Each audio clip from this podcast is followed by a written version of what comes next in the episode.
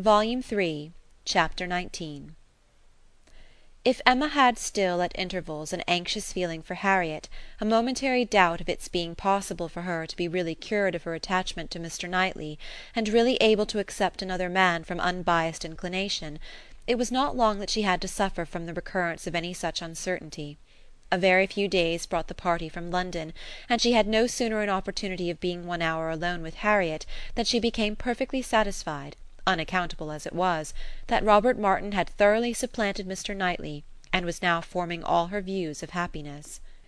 Harriet was a little distressed, did look a little foolish at first, but having once owned that she had been presumptuous and silly and self-deceived before, her pain and confusion seemed to die away with the words, and leave her without a care for the past, and with the fullest exultation in the present and future; for as to her friend's approbation. Emma had instantly removed every fear of that nature by meeting her with the most unqualified congratulations. Harriet was most happy to give every particular of the evening at Astley's and the dinner the next day; she could dwell on it with the utmost delight. But what did such particulars explain? The fact was, as Emma could now acknowledge, that Harriet had always liked Robert Martin, and that his continuing to love her had been irresistible. Beyond this it must ever be unintelligible to Emma. The event however was most joyful, and every day was giving her fresh reason for thinking so. Harriet's parentage became known. She proved to be the daughter of a tradesman, rich enough to afford her the comfortable maintenance which had been ever hers, and decent enough to have always wished for concealment. Such was the blood of gentility which Emma had formerly been so ready to vouch for. It was likely to be as untainted, perhaps, as the blood of many a gentleman, but what a connexion had she been preparing for Mr. Knightley, or for the Churchills, or even for Mr. Elton! The stain of illegitimacy, unbleached by nobility or wealth, would have been a stain indeed. No objection was raised on the father's side; the young man was treated liberally; it was all as it should be and as Emma became acquainted with Robert Martin, who was now introduced at Hartfield, she fully acknowledged in him all the appearance of sense and worth which could bid fairest for her little friend. She had no doubt of Harriet's happiness with any good tempered man, but with him, and in the home he offered, there would be the hope of more, of security, stability and improvement; she would be placed in the midst of those who loved her, and who had better sense than herself retired enough for safety and occupied enough for cheerfulness; she would never be led into temptation, nor left for it to find her out; she would be respectable and happy, and Emma admitted her to be the luckiest creature in the world to have created so steady and persevering an affection in such a man, or, if not quite the luckiest, to yield only to herself. Harriet, necessarily drawn away by her engagements with the Martins, was less and less at Hartfield, which was not to be regretted.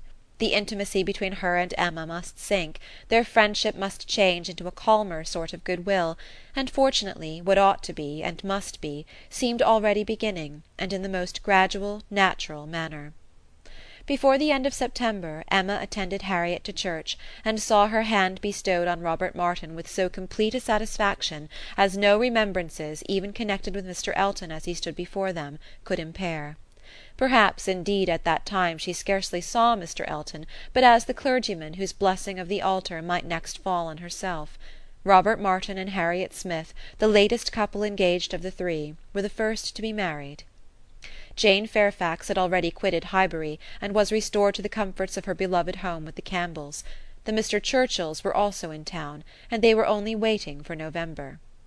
The intermediate month was the one fixed on, as far as they dared, by Emma and Mr. Knightley.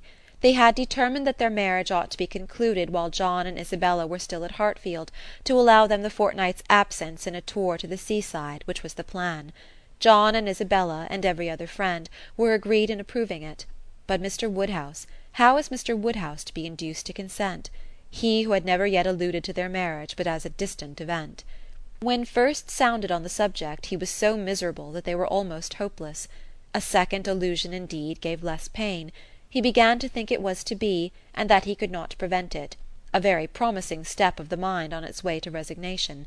Still, however, he was not happy; nay, he appeared so much otherwise that his daughter's courage failed. She could not bear to see him suffering, to know him fancying himself neglected; and though her understanding almost acquiesced in the assurance of both the Mr. Knightleys, that when once the event were over his distress would soon be over too, she hesitated, she could not proceed.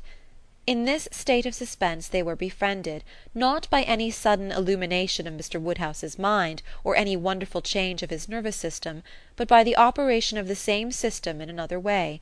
Mrs. Weston's poultry house was robbed one night of all her turkeys, evidently by the ingenuity of man. Other poultry yards in the neighbourhood also suffered. Pilfering was house breaking to Mr. Woodhouse's fears; he was very uneasy, and but for the sense of his son in law's protection would have been under wretched alarm every night of his life. The strength, resolution, and presence of mind of the Mr. Knightleys commanded his fullest dependence. While either of them protected him and his, Hartfield was safe but Mr. John Knightley must be in London again by the end of the first week in November. The result of this distress was, that, with a much more voluntary, cheerful consent than his daughter had ever presumed to hope for at the moment, she was able to fix her wedding day; and Mr. Elton was called on, within a month from the marriage of Mr. and Mrs. Robert Martin, to join the hands of Mr. Knightley and Miss Woodhouse. The wedding was very much like other weddings, where the parties have no taste for finery or parade; and Mrs. Elton, from the particulars detailed by her husband, thought it all extremely shabby, and very inferior to her own. "Very little white satin, very few lace veils, a most pitiful business. Selina would stare when she heard of it." But in spite of these deficiencies, the wishes, the hopes, the confidence, the predictions of the small band of true friends who witnessed the ceremony were fully answered in the perfect happiness of the union.